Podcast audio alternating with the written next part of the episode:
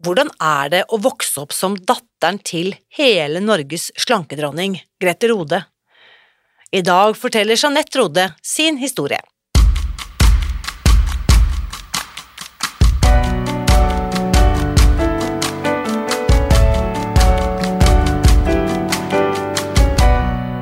Mitt navn er Irina Lie. Jeg er journalist og forlegger, gründer og sosial entreprenør. I 2015 spiste jeg meg fri fra overvekt og fedme etter å ha slitt med vekt, kropp og følelser i nesten 30 år. Etter at jeg knakk koden, ga jeg meg selv et nytt oppdrag – å dele denne kunnskapen med alle som trenger det. I denne podkasten kan du derfor høre hele lydboken Spis deg fri. Den finner du ved å bla deg tilbake i arkivet og lytte til første sesong. Hver uke inviterer jeg nå gjester som gir deg påfyll til hodet, hjertet og magen. For min visjon er å endre Helse-Norge, og det får jeg ikke til alene. Du bidrar ved å abonnere på podkasten, skrive en omtale i iTunes og tipse meg om hvem jeg burde invitere hit. Da setter vi i gang med ukens episode. Snart 50 år. Så lenge er det siden Grete Rode inviterte de første damene hjem på kjøkkenet på Slemdal for å hjelpe dem å gå ned i vekt. I dag er selskapet hun skapte en av Norges mest kjente merkevarer, og noe de fleste av oss, i hvert fall alle vi som hører på denne podkasten, har et eh, forhold til. Å skape en så eventyrlig suksess som eh, Grete Rode fikk til i sin levetid, det er ingen tilfeldighet. Det krever hardt arbeid gjennom mange tiår. Og en sånn historie innbefatter selvsagt mange spennende episoder, og en av disse historiene skal du få høre i dag når datteren, Jeanette Rode, kommer på besøk hit i podkasten. Her er ukens gjest. Kjære Jeanette, velkommen til podkasten. Tusen takk.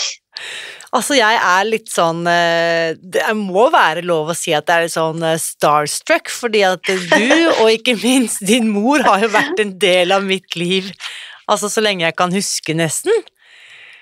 Ja, men det er jo veldig hyggelig. Det var ingen grunn til å være starstruck. det er noe du skal si sånn Jo, men det er noen som skal si sånn I get that a lot. jo, men la oss starte litt der, fordi det må jo være litt spesielt, tenker jeg, at alle vet hvem du er, eh, og hvem du er datteren til, og alle har en eller annen relasjon til moren din. Fortell litt om La oss starte der. Um, hvordan er dette, og hvordan er det å være Jeanette Rode? ja, altså det er jo, Jeg har fått spørsmål mange ganger hvordan er det å være datteren til en kjendis eller datteren til Grete Rode, og da må jeg jo si at uh, for det første er det veldig fint, men jeg vet jo ikke om noe annet, så jeg kan jo på en måte ikke si noe vettugt om det, egentlig. Men um, jeg husker jo, og dette er jo en sånn historie som jeg har fortalt, fortalt mange ganger, at jeg skulle jo ikke inn i Grete Rode AS. Jeg gikk min egen vei og ble fysioterapeut og skulle jobbe som det. Rett og slett fordi jeg ikke ville bli kjendis. Jeg syns at det, var, det så masete ut for moren min. ja. Mm. Og så, og særlig sånn hvis hun gikk foran inn i et fly, f.eks., og jeg og pappa kom bak, så, så, ikke, så, så snudde folk seg liksom og så etter henne etter at hun var gått forbi. Mm. Så hun la jo ikke merke til det. Og sånn um, har jeg tenkt på litt sånn selv også, når jeg nå Jeg er jo bare meg, og jeg går jo ikke og mm. tenker på at folk kjenner meg igjen. Jeg er jo mm. bare en person som alle andre. Og dermed så går jeg ikke rundt og ser om folk kjenner meg igjen heller. Nei, Men min familie sier jo at akkurat det samme skjer. At når jeg har gått forbi, så snur folk seg. Og så er det jo mm. noen som kommer bort, og det er som regel bare veldig hyggelig. Mm. Men det er jo den um, oppdagelsen holdt jeg på å si, at folk er folk, og at man er jo bare seg selv, og så har man en eller annen posisjon eller en eller annen stilling eller uh, en eller annen ja, som gjør at man er mer eller mindre kjent for det, da. Mm. Mm. Men vi må ta altså Moren din i mitt liv representerer en person som har brakt inn så mye kunnskap og stått for uh, ja, mye, mye, håp og forvandling, og fortvilelse også innimellom. ja. Men vi må bare ta liten recap. Altså, det er 1974, så starter da moren din Jeg vet ikke, Det heter kanskje ikke Grete Rode AS den gang da? Jeg vet ikke, Hva er det det starter ut som? Du, det startet som um, slimklubb. Slimklubb. Ja. Eh, og så fikk hun en eh, Og så sto det sånn slimklubb, og så Grete Rode smått. Og så fikk hun en eh, sånn forretningsrådgiver som sa det er det ingen som skjønner noe av. Eh, du må kalle det Grete Rode slimklubb, og så er du merkevaren. Og så Ja. gjorde hun det, og det var jo en genistrek. Det var en genistrek, og vi snakker her altså over eh, 40 Altså det er snart 50 år siden. Det er 50-årsjubileum i 2024, faktisk. Ja, det er sant. Guri malla. Mm. Um, ja, det er 50-årsjubileum. Tenk deg det, er 1974. Ja. Hvor, hvor, i, hvor i verden er du når alt dette finner sted? Du, da er jeg øh, Jeg har jo masse søsken. Øh, og pappa og mamma hadde barn på hver sin side før de møtte hverandre og fikk meg. Så jeg er født i desember 1972, og februar 1974 så starter moren min. Så jeg er jo ganske knøttliten. Ja. Um, og hun satte inn en annonser i avisen hvor det sto Og så var det feilstaving, det er en ganske morsom historie, så det sto filmklubb og ikke slimklubb. Så da fikk hun én mann som gjerne ville komme på det, og så klaget hun til avisen og fikk, fikk en ny eh, annonse hvor det sto eh, riktig slimklubb. Og da kom det nå husker jeg ikke helt, men om det var syv, åtte, ni damer igjen på kjøkkenet på Slemdal, der vi bodde, da. Ja. Og så mm, da måtte vi ut på lekeplassen, pappa og jeg. Og så hadde hun det første kurset, og så varte det, varte det åtte uker. Og da hadde hun tenkt at nå har jeg liksom prøvd det, nå er den ideen som jeg har gått og båret på så lenge, nå har jeg prøvd det, og så ferdig med det. ja. Men da ville disse damene gå videre. De var jo ikke helt i mål, så de ville gå videre og var jo veldig fornøyd, så da måtte hun jo starte et nytt. Og så hadde de venninner som også ville, så da måtte hun starte et nytt kurs. Og så hadde de nye venninner, osv. Så, videre. så da veldig, gikk veldig kort tid før vi var ute på den lekeplassen, egentlig nesten hver kveld, pappa og jeg. ja, ikke sant. Mm. Utrolig. Og så eh, var det en eh, norsk eh, journalist som skulle følge et amerikansk opplegg, og hun jobbet i Allers.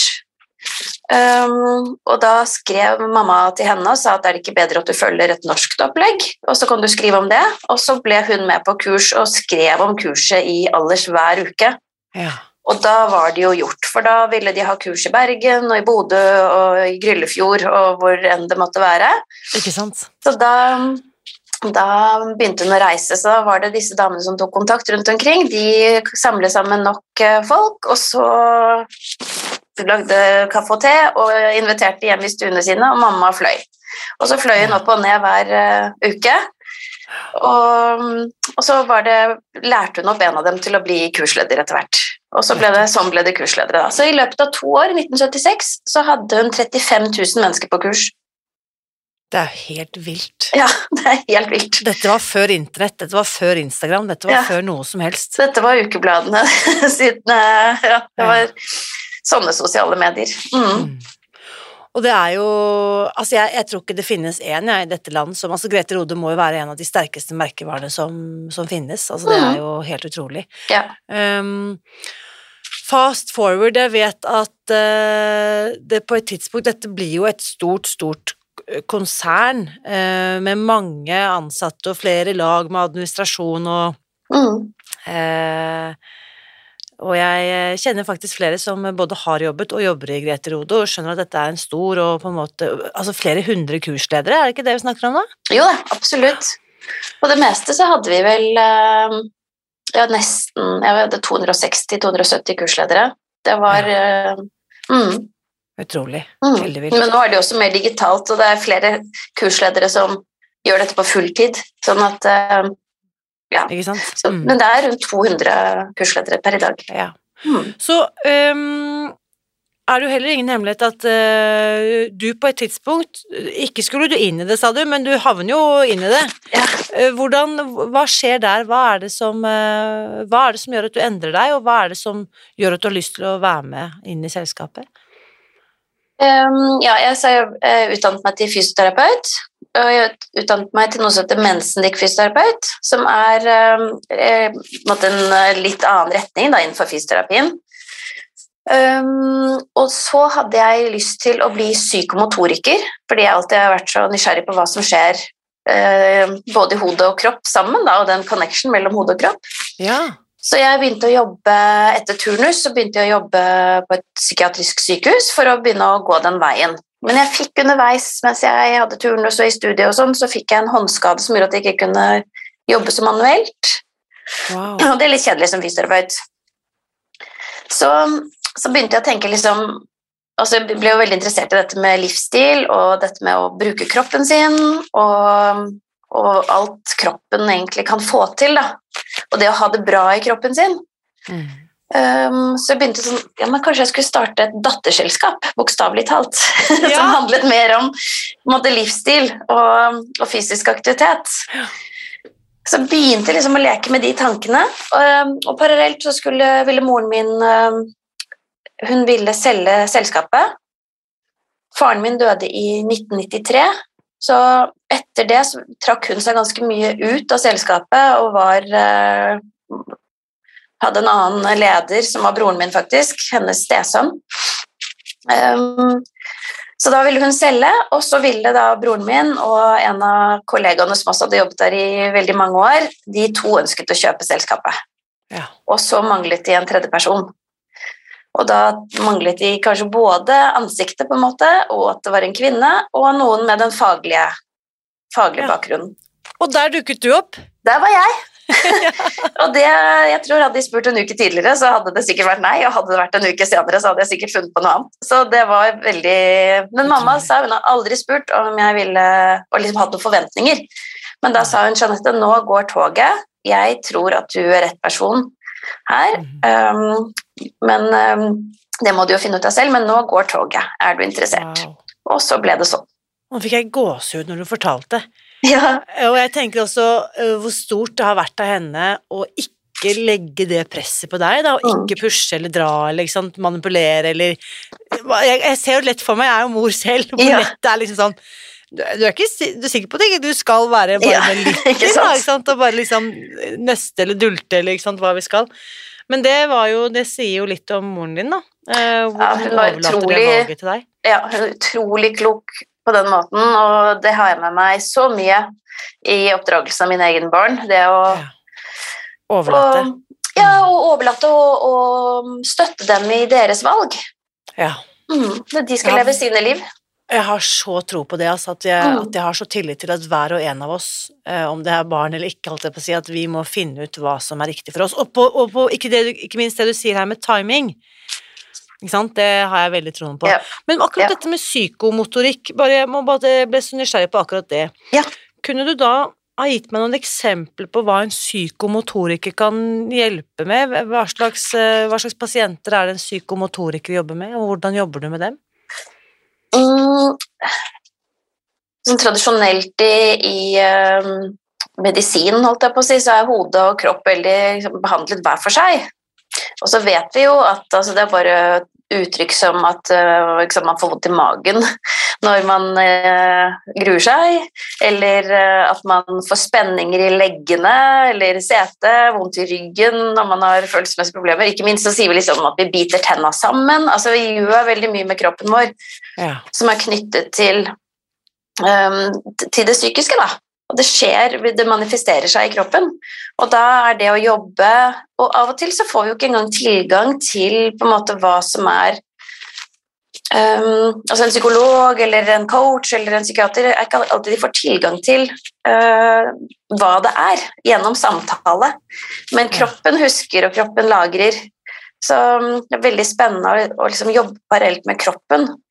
Um, både å få tilgang til ting, men også bare sånn rent praktisk, fysisk spenne av f.eks. hva det gjør. Pust, Uh, bli sterkere, men med en annen hensikt enn at kneet skal bli bra, på en måte. Nei, dette er så spennende. Jeg har jo så eh, sant, gjennom Jeg, har jo utdannet meg som yogalærer og pustelærer òg, for så vidt. Og det vi hele tiden kommer tilbake til, er the issues are in the tissues. ja, bra. Mm, Ikke sant? Mm, Og det er akkurat det du sier med Uh, og så har jeg lest også, du har kanskje vært borti disse bøkene du òg, typ sånn Louis Hay eller Julia Cannon, som snakker om hvordan på en måte den fysiske kroppen manifesterer de sant, psykiske, eller også på en måte kan være spirituelle eller åndelige blokkeringer vi, vi sliter med. Og også dette, jeg vet ikke om psykomotorikken tar hensyn til dette med feminin og maskulin side i kroppen, er dere opptatt av det? Det vet jeg ikke, for jeg har jo ikke studert det. Jeg kom aldri så langt. Nei. Men eh, det er jeg usikker på. Eh, Det er jo fremdeles ganske sånn tradisjonell medisin.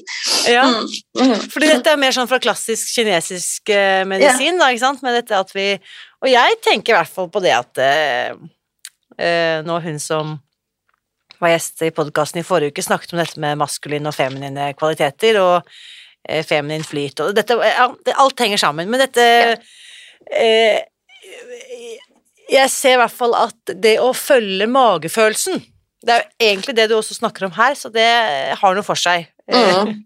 Helt klart. Eh, åpenbart. Så da er vi da på midten av 90-tallet, er det sånn å forstå, eller 1993, at du kommer inn i selskapet sammen Nei, dette er i 2001 var salget i Ja. boks. Januar 2001. Ja, nettopp. Mm.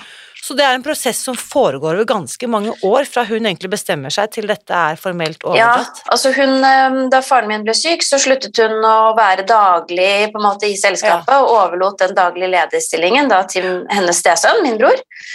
Og så drev han det, men hun var dypt involvert. Og så begynte hun å kjenne på at nei, nå er det på tide at noen andre står ved roret og tar helt over, da. Så når dere da tar over formelt, og liksom papirene er signert, holdt jeg på å si, eh, Mhm. nøklene er overlevert, er hun da en sånn uh, syvende mor i huset som henger et lite horn på veggen og mener og synser og, og liksom uh, kommenterer, eller hvordan, hvordan tar hun den overgangen? Hun er også der bare helt uh, fantastisk. Virkelig bare sa her har dere Her er selskapet. Hun var med i styret et par år. eh, og det var vel så mye for å være på en måte min støttespiller som, eh, som å være en syvende mor i huset, holdt jeg på å si. Men at de også ville jo lene oss på henne og hennes erfaringer, hennes veldig kloke beslutninger. Hun er en veldig, veldig dyktig forretningskvinne. Ja. Så, og klok person. Mm. Så, så, men det tok ikke lang tid før hun eh, kjente at her har ikke jeg noe mer å, å bidra med. Nei. Og aldri vært en sånn som har lurt i skapene, holdt jeg på å si. Nettopp. Nei. Men heller bidratt som en gallionsfigur, holdt jeg på å si. Altså bytt butt på seg selv. Fantastisk. Mm. Jeg var faktisk, jeg ble faktisk, eller ikke jeg da, men eh, jeg jobbet i, i VG eh, på slutten av 90-tallet, hvor eh, eh, Grete Rode da feiret årets slanker eh, hjemme på Nesøya. Hun hadde invitert inn alle fylkesvinnerne, hvis jeg husker dette rett. På Dette gjorde vi hvert år. ja. Hvert år. Jeg skjønte Ja. at dette var en årlig hendelse. Mm. Så VG-fotografen og jeg fikk lov til å være flue på veggen der i, i hvert fall når festen startet. Vi var ikke med på hele festen, altså, men da husker jeg var helt sånn Da var jeg starstruck, liksom. Eh, hjemme hos eh, Grete Rode, og ikke minst møte alle de fantastiske kursdeltakerne. Og hun som vant, husker jeg, hun hadde gått ned 50 kilo på ett år. Mm. Eh, som jo er intet mindre enn en bragd. Det er jo ja, det er helt uh, utrolig. Mm. Så eh, Så er det da slik at eh, vi må bare fullføre liksom hele den der Grete Rode AS-historien, for Ja. dere overtar da i 2001. Mm. Og så på et tidspunkt så bestemmer dere også dere for å gi på en måte selskapet videre. Ja. Eh, hva skjer der? Vi, ehm, ehm, vi ble enige om at det kan være lurt å ha altså Med all konkurranse som dukket opp, alle, ikke sant? de fleste fikk på en måte ble større, del av noe større, da. Så det tenkte vi at det er også smart for oss. Så da Og vi hadde veldig godt samarbeid øh, igjen med Aller. Det er litt morsomt at det startet med Allers, eh, og så dukket måte kontakten opp igjen. Og så valgte de, og vi, holdt jeg på å si, at eh, de kjøpte en del av selskapet, og så i Nå husker jeg ikke årstallene lenger engang. Men um, kjøpte ut resten fem år senere, sånn i 2017-2018. Ja.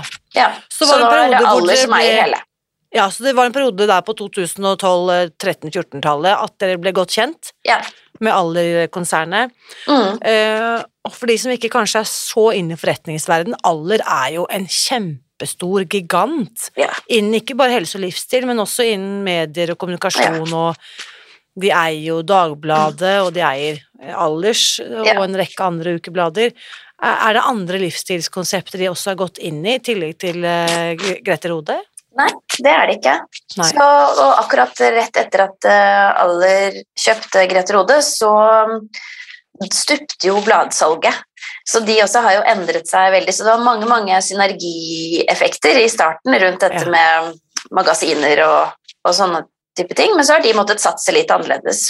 Og um, er uh, ja, mye dypere inn i sosiale medier og Mm. i, um, i uh, alt som har med synlighet på nett å gjøre. Jo, og det er interessant, for jeg har jo også en ting som privat eh, ønsket å finne ting som funker i forhold til slanking, så har jeg fulgt dere som privat, eller kunde, da, ikke sant, vært Mm. med på jeg har vært en god kunde i Grete Rode AS. Bidratt til positive tall på bunnlinjen der. Men også nå i senere år hvor jeg selv jobber med samme felt, så har det vært spennende å se også hvordan aldergruppen da også videreutvikler Grete Rode AS. Mm. Fra kanskje være det der kjernesunne røde eplet, som liksom var logoen i, lenge før Apple, holdt jeg på å si. Mm, ja, lenge før. eh, og nå på en måte hvor jeg ser at det er eh, Nå heter det ikke Grete Rode lenger, nå heter det bare Rode. Mm. Eh, og også appellere kanskje til en bredere målgruppe. Dette er bare ting jeg, jeg har- jo ikke snakket med deg om dette tidligere, men bare, det er ting jeg tenker når jeg ser litt mer Mhm. sånn grønn og sort og grå logo Ja, og litt sånne ja. ting. Mm. Ja, det er litt mer unisex, litt mindre feminint, um, og det appellerer jo bredere, også til kvinner, kanskje. Absolutt. Um, ja, så, så um, Rode er helt klart uh, Det er veldig rart å kalle det Rode. Jeg syns det nesten er vanskeligere, for det er mer meg enn Grete Rode. For det er jo mitt uh, bare ikke sant? Som du sa, Grete Rode er en merkevare, så man sier jo nesten som et ord. Ja. Altså, mens Rode det er fremdeles vanskelig å si det, for det er jo mitt navn. ja, det tror jeg på. Mm. Ja. mm. Men det har jo, eh, de har absolutt uh, utviklet seg og blitt eh, hva skal jeg si, litt mer altså fornyet, da. Mm. Ja, og ikke minst også på digitale flater og sosiale medier, sånn som du sier. Ja. Og jeg tenker jo at det er jo flott at vi ikke lenger er avhengig av en ildsjel som må sette seg på toget til Bardufoss annenhver torsdag. Ikke sant? Sånn Det er veldig greit. Ja, det er, faktisk, det er faktisk helt utrolig at folk kan nå sitte med mobilen på hytta og følge et kursopplegg eller, Mm. ikke sant. Det er jo, Mm. ja, kjempebra. ja, det er veldig bra. Og så er jeg jo liksom nysgjerrig på også mm, den kunnskapen du har med deg da, og interessefeltet ditt. Alt dette må jo også ha sivet inn i selskapet de 20 årene, eller nesten 20 Mm. årene du var med, da. Mm. Ja, fordi jeg sa jo dette med dette datterselskapet. Det, da jeg sa ja til å gå inn i Grete Rode, så var det jo også fordi at jeg tenkte at da kan jeg ta det med meg inn i det selskapet. Så da skjedde jo også den første fornyelsen fra å være ren slanking til å bli et mer livsstilskonsept. Ja. Og vi fikk med oss Den fysiske aktivitet var jo alltid viktig, men det ble enda viktigere. Og mental helse, eller det mentale, var jo også alltid med, men eh, enda mer fokus på det, og mer sidestilt, da. Og hvor eh, målet selvfølgelig var vektreduksjon, men i enda større grad dette med å få til en varig endring og sånn. Så det jobbet vi jo med hele alle de årene. Og også hvordan vi eh, utdannet kurslederne til å bli enda bedre på å liksom følge opp mennesker på, på, på sine ting, og ikke Ja. bare ha en sånn standard eh, one size fits all. Nettopp. Ja, og da tok Eh. jeg et par coachingutdanninger, for at ja, da ble på en måte det hybriden istedenfor å bli psykomotoriker, så ble det jo det å være fysioterapeut og, og være utdannet Ja. coach. Mm. Fantastisk. Mm. Eh, og jeg har også en god venninne som har eh, gått i coaching hos deg, Jeanette. Eh, så, og har hørt mye, mye bra om, de, om den kunnskapen da, og de verktøyene du Mm. har gitt henne. Og nå ble jeg nysgjerrig, men det skal Ja. jeg slippe å si. Så um, Ok, så da 2017, Ør Aller tar over hele, kjøper over og kjøper opp hele konsernet. Hvilken rolle har du da videre etter det? Da er jeg jo ikke en av eierne lenger, men jeg sitter jo i ledergruppen eh, og har ansvar for um, utvikling av kurslederne. Ja. Og, og um, egentlig sånn sett også utvikling av den delen av kursene som går på oppfølging. Mm. Så ikke måte det matfaglige eller treningsfaglige, men som litt mer meta, da. Yes. Mm. Litt mer av det vi snakker om her. Ja. Livsstilsendring, eh, Ja. mindset. Ja, og Eh. lede folk i endringsfaser og støtte folk på sine ting og god gruppedynamikk og ja, osv. Da når jeg hører deg fortelle, så bare vet jeg umiddelbart at du må være en veldig tålmodig person. Ja, alt i sin tid, kanskje. Fordi ehm, Så på et tidspunkt så, så sier du helt takk for deg. Hva, når er det at du går helt ut av eh, hele konsernet? Eh, Det var i 20 Altså, dette er så flaut, egentlig. Jeg, jeg tror jeg sa ordentlig takk for meg i januar 2018, jeg. Ja. Ja, at jeg bestemte meg i 2017. Ja. Ja. De siste årene er liksom litt sånn sammenkokt. Ja, jeg er helt enig. Det er Ja. vanskelig å skille ting. Ja. um, det er derfor det er så viktig å stoppe opp innimellom. Ja. Så som når jeg da sier til deg det er 50-årsjubileum om to år, det er faktisk Mm. kjempeviktig at vi stopper opp og markerer og ikke sant? Vi spiser fri snakker vi mye om å telle dager og liksom belønne Mm. oss selv og Mm. så, Hvis ikke så bare går alt i en sånn salig kok, og spesielt de siste par årene så bare virker som en lang, mørk vinternatt. Ikke liksom. sant? Ja. Mm. Men, men eh, Og så er det jo da Jeg husker i disse årene her, 2017 tror jeg det kanskje det var, kanskje det var 2018, jeg hørte et program, et intervju med moren din på Salongen, NRK-podkasten Salongen, hvor, eh, hvor de da sant, intervjuet hele Norges slankedronning. Eh, Og dette er sikkert også et intervju hun har gjort tusenvis av ganger, eh, vil jeg tippe. Og det som gjorde så inntrykk, det var at hun fortalte at hun i 50 år hadde vært redd for å legge på seg. Mm. Hvordan hadde hun selv eh, Hvilke samtaler hadde dere om dette hjemme, og hvordan, hva slags forhold hadde hun til kropp og vekt og helse? Um, hva skal jeg si, det var jo både um, Altså, jeg, jeg opplevde det aldri som anstrengt, men at hun aldri kunne Hun måtte alltid holde øye med det. Ja. Men det må vi jo kanskje, tenker jeg da. Så jeg, men da jeg var liten, så trodde jeg at hun elsket cottage cheese og Hva heter det for noe? Kokt skinke. Nei, også sånn der klibrød. Klibrød! Jeg skjønte jo at det gjorde hun ikke. Nei. Men eh, hun Altså, da hun startet eh, Grete Rode, så startet hun mest faktisk med et lavkarbokosthold, Ja. som var veldig spesielt. Um, og så ble hun utfordret av uh, den gamle ringreven Kåre Norum på Kan du ikke gjøre det? Ja. Ja. gjøre det litt mer norskt. Uh, og norsk, følge mer ko norsk kosthold. Og så, eh, det var på 80-tallet, da gjorde hun eh, to grupper, altså rett og slett en, en liten forskning, eh, hvor hun kjørte to forskjellige opplegg, og så viste det seg at det gikk omtrent Splittesting? ja. gikk omtrent um, like mye ned, mens de som spiste vanligere, da, um, tettere opp til det familien spiser, tettere opp til sine vanlige, vanlige kosthold, Uh, trivdes bedre over tid, og klarte å holde det bedre Ja. over tid.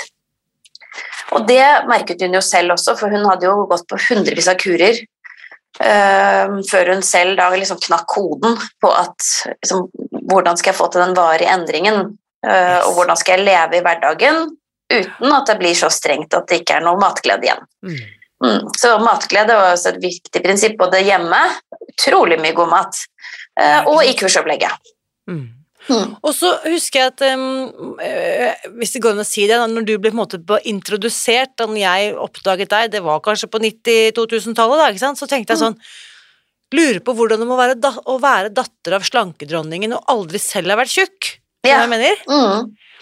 For du eh, Altså, jeg skal ikke, kan jo ikke jeg vite noe om dette, men sånn som vi har sett deg, da, i, på bilder og, og i mediene, så har jo du åpenbart aldri hatt noe stort vektproblem. Ehm, og, og jeg tenker jo at det har vært en, en livserfaring som er viktig i forhold til uh, min forståelse av problemet. Mm. Men det, det har jo du åpenbart med deg på annet vis. Man trenger jo ikke ha vært liksom eh, tønne rund for å skjønne at det ikke er noe greit å være tjukk. Nei, jeg, jeg, det er liksom, det, du har helt rett, og det tenkte jeg at var en av mine handikap, nesten, Ja. eh, inn i den eh, bedriften. Um, alle kurslederne hadde jo selvkjente på kroppen, og det tenkte jeg, og det vet, synes jeg er eh, helt, altså utrolig vesentlig når man skal lede mennesker. Ikke sånn at alle absolutt måtte ha kjent på masse, men det etter hvert også som jeg Det å ha vært gjennom en vinternatt, da, eller at, at ting har vært tøft, at man har en ydmykhet for at noen står i noe som ikke nødvendigvis er lett. Den ydmykheten tenker jeg er viktig, og at da kan ulike erfaringer man har i livet, på en måte være overførbare uten at jeg nødvendigvis sier at jeg forstår akkurat hvordan du har det, for det kan man jo ikke si uansett. Man er jo hver sin person. Men jeg vil jo også si at mye av min motivasjon gikk på at um, det at jeg fikk gode vaner hjemme, gjorde at jeg slapp unna måte, det problemet. Ja. Og så gode vaner at jeg liksom aldri har kjent på verken spisevegring, som mange ville tro at å vokse opp i et slankehjem på en måte ville føre til, Mm. med fokus på kosthold, og heller ikke kjent på, på overvekt, men, men et bevisst forhold til vaner og et bevisst forhold til mat. Lær, lærte mye om matlaging og lærte masse om god mat. Hjemme så dro jeg til Brussel som 18-åring som au pair, og så gikk jeg vel opp sånn som man gjør når man er ute som 18-19-åring, nesten 10 kilo. Og visste at eh, det er vanene hjemme som er de vanene jeg må tilbake til. Uten at jeg da liksom måtte på noe kurs eller noe sånt. Så, Ja. mm, Og det, det jeg også da tar for gitt, sånn som du også egentlig sier det implisitt, er at du har også ikke minst hatt tilgang på mye ekte og bra mat. ja, akkurat det. Ja. Mm. Så det er jo Det er derfor jeg ofte får spørsmål om 'Å ja, barnet mitt er overvektig', Mm. eller eh, 'Sønnen min eller datteren min', eller 'Jeg er så bekymret'. Og så da sier jeg det trenger du ikke bekymre deg for, bare pass på din egen mat. Mm. Så barna The kids will follow, liksom. Barna spiser jo det vi spiser. Eh, så jeg tror det er en eh, feil, da, jeg, hvis jeg kan si det, som mange foreldre En en felle mange foreldre faller i, at de blir så besatt på hva barna putter i seg. Mm. Og det er jo ikke noe kult å være den, det barnet heller som har det voksne blikket mot seg. Hvordan skal jeg bli del av et måltidsfellesskap hvis alle sitter og følger med på hva jeg spiser? Ikke sant? Um, Og så er det jo noen barn som har utfordringer, men da Det er, det er en, en dansk han er vel psykolog eller psykiater som heter Jesper Juel, som skrev ganske mye bøker før i tiden, og jeg har ikke lest bøkene hans, men jeg elsker tittelen på den ene boken. Ja, Den heter 'Nei, komma, et kjærlig svar'. ja, fantastisk. Det syns jeg er så fint, fordi, og det handler jo om både overfor seg selv og overfor andre. Mm. At, og da særlig barna også bruker det mye i selvsnakket rundt Mm. når jeg oppdrar mine egne barn. At jeg får, får lyst til måte, å please hele tiden, jeg har lyst til at de skal ha det bra, men, Mm. men jeg vet at det å sette grenser og det å av og til si nei, det er det, det beste jeg kan gi dem, men det er vanskelig. Og det tenker jeg jo også at når du har barn med ekstra utfordringer, om det er innenfor mat eller hva nå det skal være, så er det jo så det er så, det er så lett å ville gjøre det beste mulig for dem, da. Mm. Mm, og at det fort bare er å gi og gi og si ja og ja, og ikke sette grenser. Ja, jeg tror det er så viktig påminnelse, så takk for den. den eh, ja, jeg trengte Mm. den påminnelsen, jeg òg. ja. Så, men jeg vet også, det er ikke sånn at du har sluppet uh, verken interessefeltet eller engasjementet ditt for liksom jeg, jeg har lyst til å si kvinnehelse, men det er greit, jeg kan droppe, droppe ordet kvinne, men la oss si he- folkehelse, da. Helse, folkehelse brenner jeg for, ja. Ja. Eh, fortell litt om alt det spennende du da har eh, holdt på med siden 2018. Ehm, bare for å avslutte kapittelet om Grete Rode AS, og også ikke minst personen. Eh, moren din dør i desember 2019. Mm. Den beslutningen om at du velger å tre ut av selskapet, og at Aller-konsernet har kjøpt over hele, hvordan, hvordan tar hun det? Hvordan forholder hun seg til det? Um, I forhold til salget så syns hun det var klokt. Uh, og klokt at det er én eier, og ikke flere, på en måte. Så, så det, det, var det.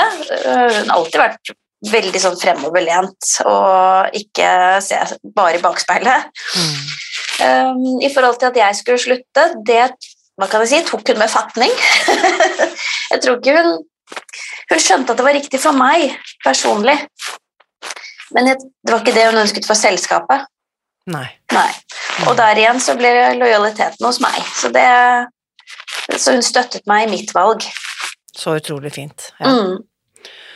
Så vi snakket akkurat om det rett før vi startet opptaket her, at din mor gikk jo bort i desember 2019, og, mm. min far gikk jo bort i februar 2018, så begge våre foreldre slapp jo å være med på nedstengning og den opplevelsen. Mm. Jeg, jeg, må si at jeg er veldig glad for det, å vite at de slapp den lidelsen, da, som jeg vet at veldig mange på vår generasjon som har gamle foreldre, har måttet utstå forferdelige utfordringer disse årene her. Jeg er så glad for det.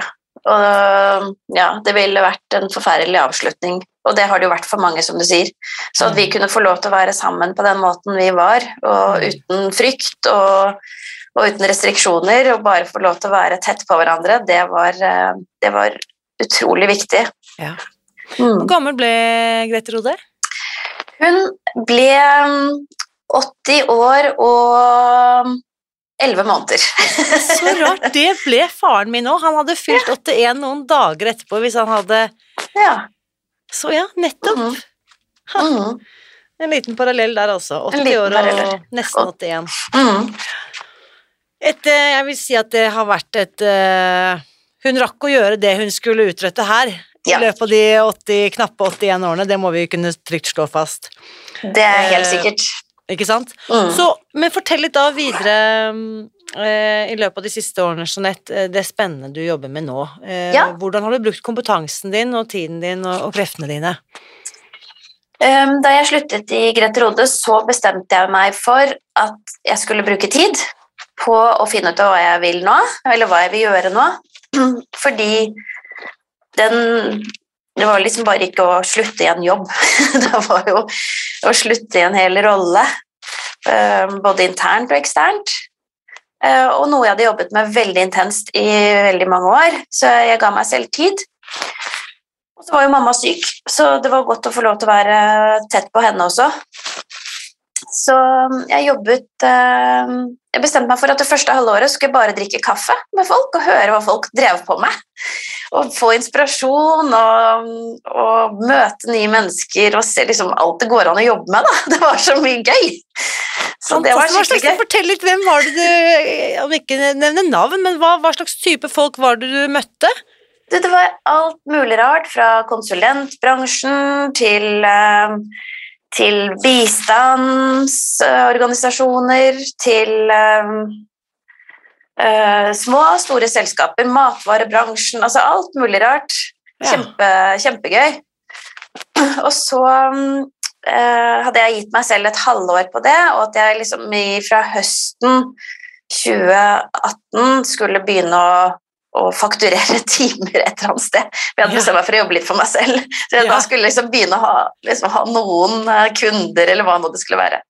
Nei, nå skulle det ligge seg altså. um, så da, da um, fikk jeg til det. Da jobbet jeg som coach. Uh, både altså mye sånn livsstilscoach og livscoach, egentlig. Ja. I tillegg til at jeg begynte å jobbe for Jeg tok uh, uh, ferdig en NLP-utdanning. Så um, det var også fint å gjøre i løpet av den tiden. Og um, gjennom det så fikk jeg også noen oppdrag, noen sånne konsulentoppdrag hvor jeg begynte å jobbe inn i bedrifter med, med ulike ting innenfor lederutvikling og konseptutvikling og kompetanseheving osv. Så, videre. så det var kjempegøy. Og liksom litt igjen litt meta, da.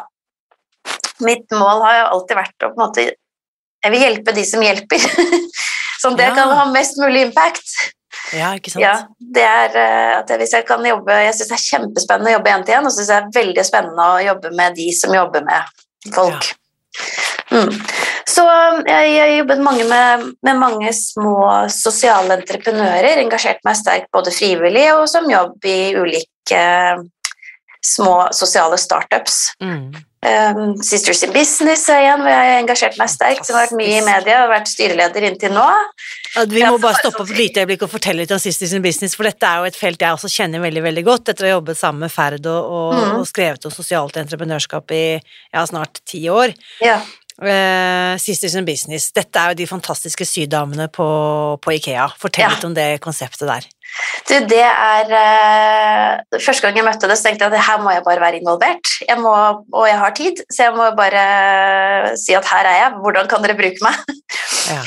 Så det er, et, um, det er et nydelig firma hvor målet er å ansette kvinner, uh, fremmedkulturelle kvinner som står og har vært utenfor arbeidslivet lenge. Og det er en, fantastisk reise. Per i dag så er det vel 15 ansatte kvinner. Noen av dem har bakgrunn som syersker og er skreddere eller, eller sånn. Andre hadde aldri holdt i en, eh, aldri holdt i en saks og aldri hatt en jobb. Ja.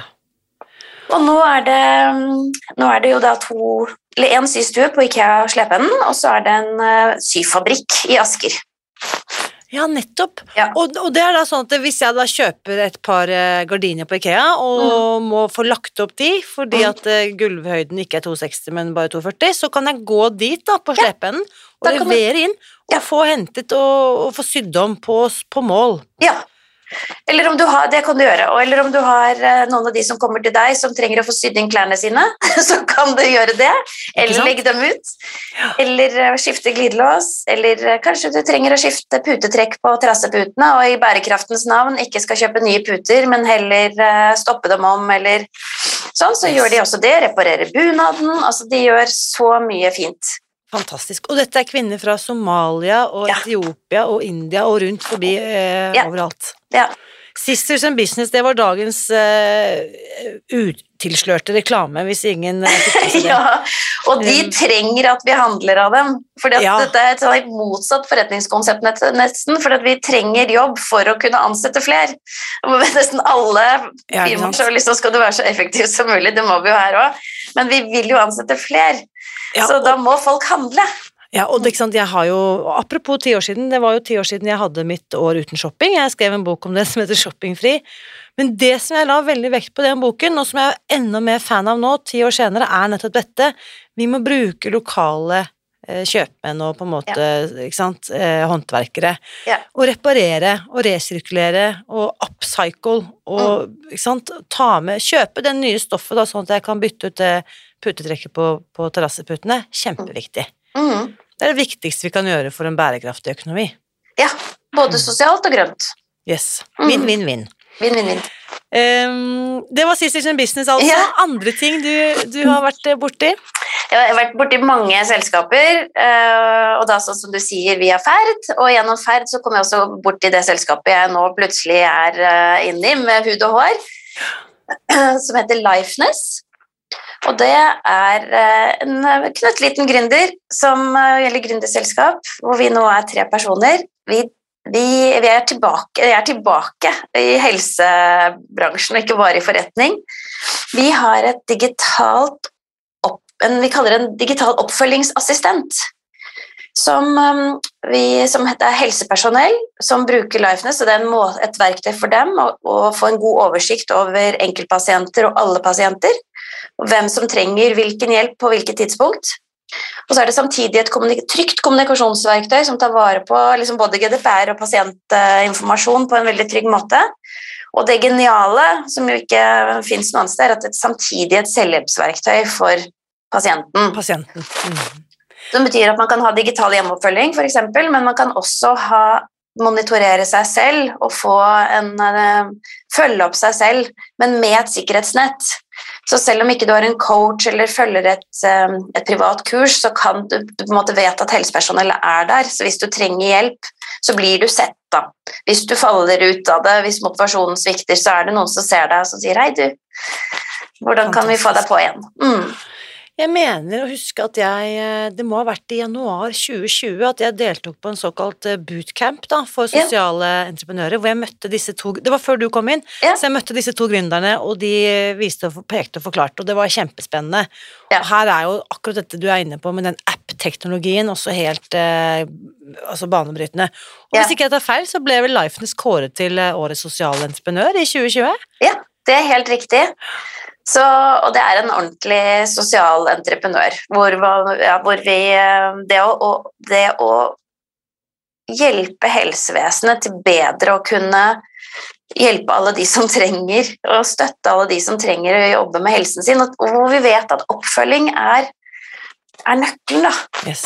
Og, og hvor man ikke har tid og ressurser til det som faktisk trengs. Og så vet vi gjennom forskningen at det er det som trengs.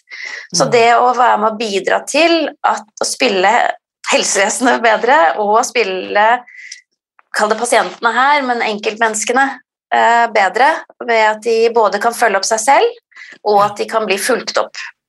På en helt enkel måte hvor det ikke går i detaljer på kaloritelling osv., men det går mer på hele livsstilen og ikke minst mentale helsen, hvordan man har det rundt dette.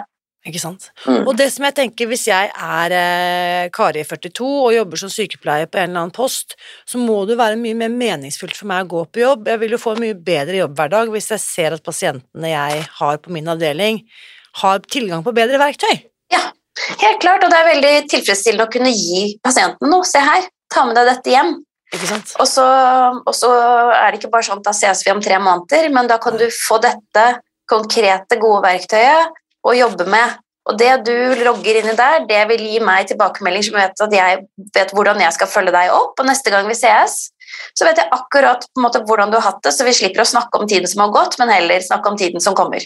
Yes. Mm. Og det var en perfekt overgang, for jeg noterte meg her at du sa at du er født i desember 1972. Ja. Og jeg er veldig redd for å gjøre sånn matteberegninger på direkten eh, på Zoom-møter, men, men eh, noe sier meg da at du fyller 50 i desember, Jeanette. Stemmer det? Det stemmer. Ja. Ja.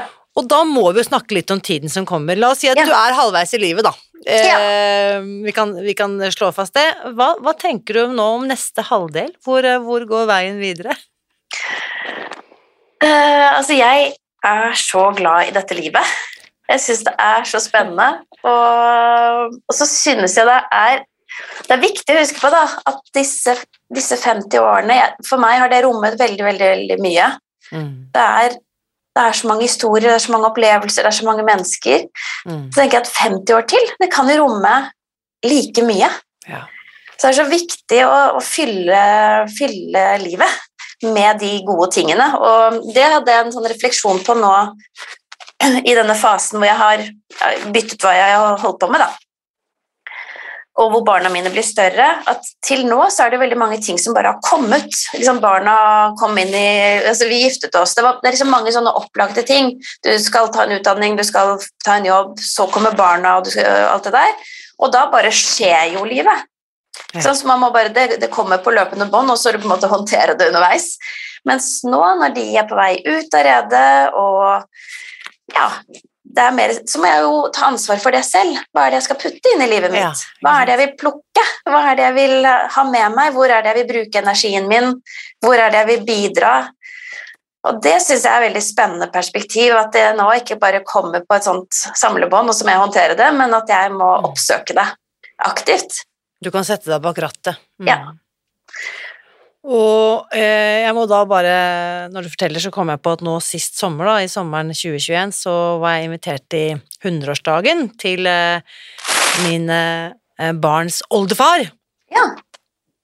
Og han eh, klinkende klar i hodet, og så sier han til meg Den beste tiden, det var da jeg var 70. Ja.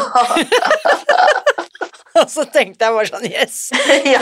Det er bare helt Så da tenker jeg at tenk å være 100 år og kunne titte tilbake og så bare vite at da 70-åra, det var liksom Ja, golden Det var ages. høydepunktet. ja. Jeg syns ikke det er vanskelig å bli 50. Tvert imot. Jeg er bare veldig glad for at jeg har fått gjøre så mye. Og, Ja. har- altså, hva jeg har klart å liksom, putte inn i de 50 årene, det er jo helt fantastisk. Mm. Mm. Ja, og uh, eventyret fortsetter. Så jeg bare tenker nå sånn, før vi runder av, hva um, vi har jo snakket om mye, og, og vi kan jo da si at helse har vært en slags overskrift her, og, Mm. og så vet jo jeg at det er veldig mange som hører på denne podkasten, som kanskje fortsatt føler at de enten de har bikket 50 eller ikke, sitter fast, eller at de på en måte ikke har kommet i gang, eller at de liksom ikke helt vet hvordan eller hva de skal gjøre for å komme ut av startblokken, eller kanskje er til og med redd for at de ikke passer inn i startblokken, skjønner du hva jeg mener? Mm. Har du noe sånn Quick fix, Jeanette, vær så snill. Nei, men altså, har du, noe, har du noe råd, eller har du noe tips eller egen erfaring som du kan dele? Um, jeg tror i hvert fall det å tillate seg selv å være eller så innrømme akkurat det for seg selv, at jeg sitter fast. Eh, For først da er det jo måte lett å gjøre noe med det ut fra der hvor man selv er, og ikke der hvor man burde være, eller eh, noen andre sier man burde være det, men ut fra seg selv. Og så legge listen så lavt at man kommer over den. og så kan man heller bygge på. Og Fantastisk. ofte handler jo det også om å strekke ut en arm, eller si til noen 'jeg trenger hjelp', eller eh, 'kan vi snakke litt om dette', eller 'kan du bare høre på meg litt', for jeg trenger å sortere tankene mine, eller hva nå det skal være. Ja. Så, men akkurat det med å legge listen lavt nok, sånn at man faktisk sørger for å komme over den, og kjenne på den mestringen at man har, tatt et steg, da, og ikke liksom skamfull for at man ikke får til, eller føler liksom redd for å mislykkes, men spill deg selv god. Dette elsker jeg, dette minner meg veldig om Jeg skrev en bok sammen med mentaltrener Tommy Fjellheim for ja, snart ti år siden det òg. Mm. Og, og så spurte han meg da mens vi jobbet med den boken ja, du da, Rina, har du noen mål? Og der satt jeg 30 kilo overvektig og drømte om en vakker dag å komme i form, så jeg sa ja, jeg har lyst til å komme i litt bedre form. Det var liksom det jeg fikk meg til å si, da. Mm. Og så sier han hva hvis du da ikke har som mål å komme deg på treningssenteret, men målet ditt er å ta på deg den eh, treningsbuksen når du mm. står opp om morgenen. Og det tipset, det bare Det jo endret absolutt alt. Å tenke på det. Ikke sant? At jeg tok på meg tightsen det første jeg gjorde da jeg sto opp. Mm. Eh, og da var liksom dørstokkmilen for å komme meg til treningssenteret plutselig Altså, det bare skjedde et eller annet, for da hadde Ja. jeg satt i gang en sånn positiv domino, da. Ja. Og det er akkurat det du sier her, gjør at det lille målet ditt overkommelig nok, gjør, gjør på en måte terskelen lav nok. La målet være at eh, i dag skal jeg ta på meg treningsbuksen, hvis det er det som er målet, da. Mm. Og det er det jeg syns er så fint i det Lifeness-appen også, da, som vi har, at det er egentlig det viktigste. Er eh, å sette små mål for uken som kommer, og jo mindre og jo mer konkret det kan være, jo bedre er det. Ja, For rett og slett å bygge mestring, da, og, og gjennom det selvfølelse og motivasjon. Yes. Mm. Små, små skritt. Ja. Du, dette var fantastisk. Eh, tusen, tusen takk for det viktige arbeidet du gjør, og hele familien din har bidratt med i årtier. Og så, ja, dette var fantastisk. Takk for god prat. I like måte, takk for at du ville prate med meg. Nå lurer jeg på, hva er din takeaway etter å ha hørt min samtale med Jeanette i dag? Hvilke tips eller triks har du plukket opp som du tenker at du kan få bruk for i din hverdag? Bli med inn i den åpne Facebook-gruppen Spis deg fri og del din takeaway, for det er så spennende å lese hvordan du som lytter til eh, denne podkasten omsetter disse samtalene til konkrete handlinger i ditt eget liv. Også for min egen del, eh, min takeaway, jeg vil bare henge meg på det Jeanette sa på slutten her, nemlig det å starte i det små. Det å velge meg en bitte liten handling, eller sette meg et lite mål, bare for i dag, eller bare for denne uken, som jeg klarer å gjennomføre, og at jeg begynner der. Og hvis du nå tenker at uh, lurer på om eh, Spis deg fri kan være noe for meg, så er timingen din helt perfekt, fordi neste søndag, det vil si søndag 17. april, så arrangerer jeg et gratis webinar om Spis deg fri, hvor jeg viser deg hvordan du kan spise deg fri fra søtsug og ustoppelig sult, eller kall det gjerne matavhengighet. Og du melder deg på ved å gå til spisdegfri.no april. Webinaret er åpent for alle, og det starter klokken 15 neste søndag, vil si første påskedag, og det er helt gratis å delta, men siden antall plasser er begrenset, så må du melde deg på, og det gjør du ved å gå til spisdegfri.no april. For nå går vi inn i den stille påskeuken, hvor du kanskje får litt mer tid til å ta vare på deg selv, eller ta fatt i de tingene som du aldri egentlig får tid til i en eh, travel hverdag. Så gjør deg selv en tjeneste denne påsken. Sett av 90 minutter neste søndag til å vie litt tid og oppmerksomhet til den viktigste personen i ditt liv, nemlig deg selv. Det fortjener du. Og så lover jeg å gi deg masse kunnskap og nyttige tips som du kan omsette i praksis med en gang når vi ses på webinaret neste søndag. Du melder deg altså på ved å gå til spisdegfri.no april, så håper jeg vi ses der. Og vit også, uansett hvor mange slankekurs du har deltatt på i ditt liv, så heier jeg på deg. Alltid.